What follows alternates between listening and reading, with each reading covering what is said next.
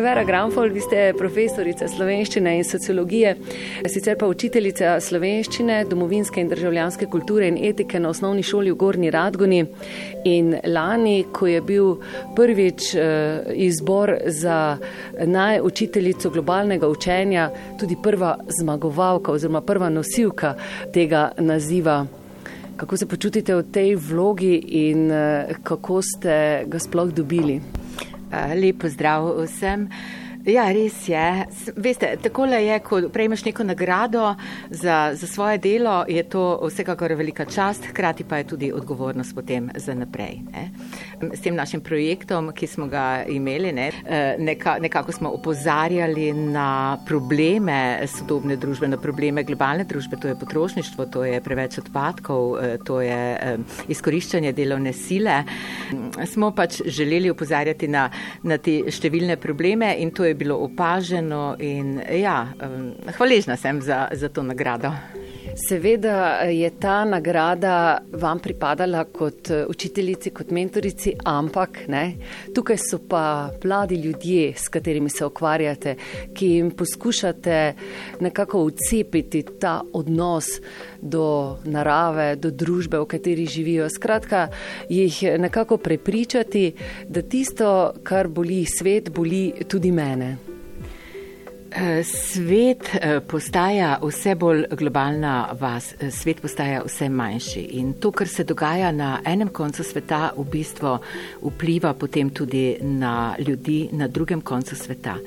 Zdi se mi prav, kot učiteljica imam to moč, da lahko opozarjam mlade, ki jih poučujem na problematiko, ki se pojavlja na različnih koncih sveta. Mm, predvsem pa želim nekako jim privzgojiti različne vrednote. Pa se bom zopet sedaj dotaknila tega projekta. Torej, mladi ljudje se v bistvu ne identificirajo z oblačili, ki jih nosijo tu so druge vrednote, tu so druge zadeve, ki eh, jih morajo razvijati, kot so ta povezanost. Mi živimo dan danes v času, eh, ki je čas eh, vse bolj individualizma eh, in eh, recimo ta naša skupina, ki je takrat eh, bila vključena v ta projekt, je bila uspešna tudi na, na tem eh, področju, eh, da so bili odgovorni, da so bili vse bolj povezani, mm, da so bili spoštljivi drug do drugega. In na vse zadnje so ugotovili, da sedaj živimo v času, ko je recimo ta le hitra moda, ko so stvari zelo poceni, ko se te zadeve eh, transportirajo z enega konca na, na drugi konec, eh, kar je seveda dodatno potem, eh, dodatno uničujemo okolje. In če jim poskušaš ucepiti, da lahko kupujejo manj, da je v bistvu manj več, da pač kupijo stvari, ki so kvalitetnejše in jih potem dalj časa nosijo. Oni so tudi v projektu videli, da, da v bistvu ne, mo, ne smejo, ne morejo biti neodgovorni do teh oblačil, ki so jih nosili. Zdaj, če jim pade kečap na, na majčko, ki jo morajo nositi cel teden, kaj potem? A bodo potem nosili madež? Ne? Torej, nismo imeli teh težav, resnično so bili uh, odgovorni in sodelovalni in to je bilo krasno. Rekli ste, bodi nežen, plelet ti bo hvaležen ne, v tem eh, projektu, o katerem govoriva in ste skupaj z otroki sto dni nosili ena in ista, torej enaka oblačila. Povejte, kako je to šlo? Najprej smo, torej začeli smo s projektom 2. septembra, to je bil takrat prvi šolski dan. Eh, in smo se zmenili, da bomo tele majčke, eh, ki so imele logotip šole in pa od zadaj napis eh, Bodi nežen planet, ti bo hvaležen in pa kavbeke, da bomo v teh oblačilih prihajali mesec dni. Torej, cel teden jih bomo nosili, potem v petek jih bomo oprali s čim manj vode, s čim manj praška, brez mehčalca in tako dalje, da bomo tudi tu potem nekako prispevali k, torej, kar se tiče podnebnih, podnebnih sprememb na vse zadnje, čeprav so to kapljice. No in potem, ko smo uh, prihajali uh, mesec dni, um, smo rekli, kaj pa, če bi tole zadevo mi podaljšali in bi poskušali prihajati v šolo sto dni. In potem ekipa je bila takoj za to, ne, se pravi, mi smo se vedno bolj tudi nekako povezovali, vedno bolj smo bili enotni, vedno bolj smo bili tudi prijateljsko razpoloženi. In, uh, ja, in smo potem prihajali dejansko 100 dni v teh istih oblačilih do 10. decembra, uh, ko je dan človekovih uh, pravic. Kajti, Mi smo imeli v sklopu tega projekta tedensko eno uro namenjeno globalnemu utripu, eh, kjer smo se pogovarjali o teh zadevah eh, povezanih s planetom, torej z zavedanjem, da nimamo planeta B, da imamo samo en planet.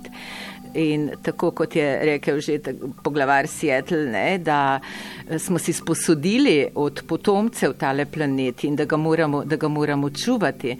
Mm, in smo potem tako le simbolično uh, slekli ta ista oblačila, torej 10. decembra na Dan človekovih pravic.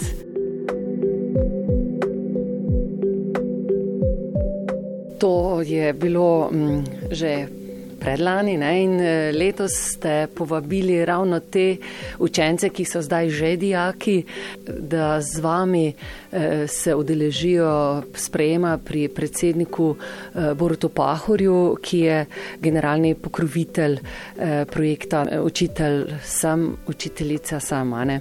In vi ste bili ena od petih superfinalistk Global Teachers Prize ne? za letos. Torej, to so same takšne, bom rekla, zanimive reči, izstopajoče reči in uh, ti zdajšnji dijaki, takratni vaši učenci so se seveda z veseljem odzvali, ne, da so šli z vami. Ja, eh, torej letos sem se udeležila tega, tega natečaja, bi rekla Global Teacher Prize za leto 2022 in sem potem eh, bila izbrana, torej bila sem med petimi superfinalisti. In eh, ja, tako kot ste rekli, pokrovitelj je bil predsednik države, Borod Pahor za, za tale slovenski del, potem se gre, eh, potem na, pač se gre naprej direktno na uh, svetovni Global Teacher Prize, na, na tole tekmovanje, ki je seveda zelo, zelo zahtevno. Bi rekla, Slovenija ima tu vendarle nekoliko manj možnosti, ker niso ti projekti tako zelo veliki, ampak kdo ve v prihodnje. In seveda takrat, ker sem lahko peljala s sabo um, deset učencev, zraven je šel tudi ravnatelj šole, ki moram reči, da vse čas podpira uh, različne projekte, um, tako nacionalne, kakor tudi uh, mednarodne. In ko sem razmišljala, koga bi povabila zraven, se mi je zdelo popolnoma normalno, da povabim to ekipo, ki se je takoj odzvala in mi smo se sedaj po daljšem času eh, zopet srečali, takoj se vprašali, a, a naj imajo ta ista oblačila, to se pravi, da te majčke hranijo, kar je, kar je zelo lepo. Torej, odzvali so se in uh, to je bila potem mogoče še dodatna motivacija tudi za njih za naprej, ker sem dobila povratno informacijo, da vse te uh, ideje z področja globalnega učenja uh, širijo tudi naprej v srednje šole med svoje nove sošolce. Takrat, ko so bili še v osnovni šoli, so prenašali te, te ideje, ta aktivizem.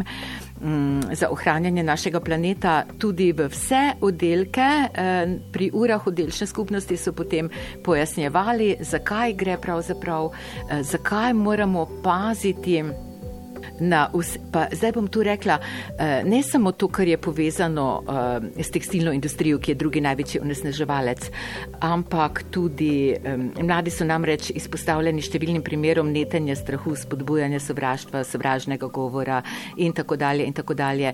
Torej, na tem področju je treba veliko delati in če začnemo pri mladih, se mi zdi to zelo, zelo vredo. Potem tu so pa še seveda druge problematike, kot je problematika beguncev.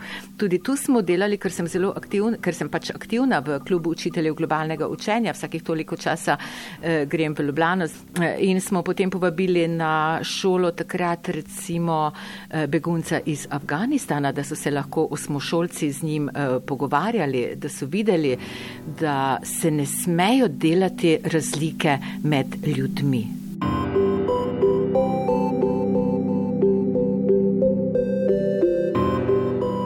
Vaša šola ni samo ekošola, vaša šola si zelo prizadeva eh, med eh, najmlajšimi širiti tudi humanizem, strpnost, spoštovanje in konec koncev z vami na čelo izvabljati na smeh na usta tudi takrat, kadar ne gre vse kot po maslu.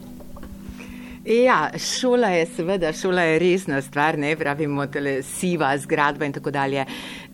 Če smo učitelji pripravljeni eh, delati z mladimi tudi izven kurikuluma, eh, da se to pri urah, tudi pri urah književnosti se da zelo veliko pogovarjati o, o nekih vrednotah, o stiskah in tako dalje. In da se pogovarjati o vsem seveda na prijazen, prijeten način kajti imamo na koncu koncev samo eno življenje in eh, to življenje je dobro, če je čim večkrat uplemeniteno z nasmehom na obrazu.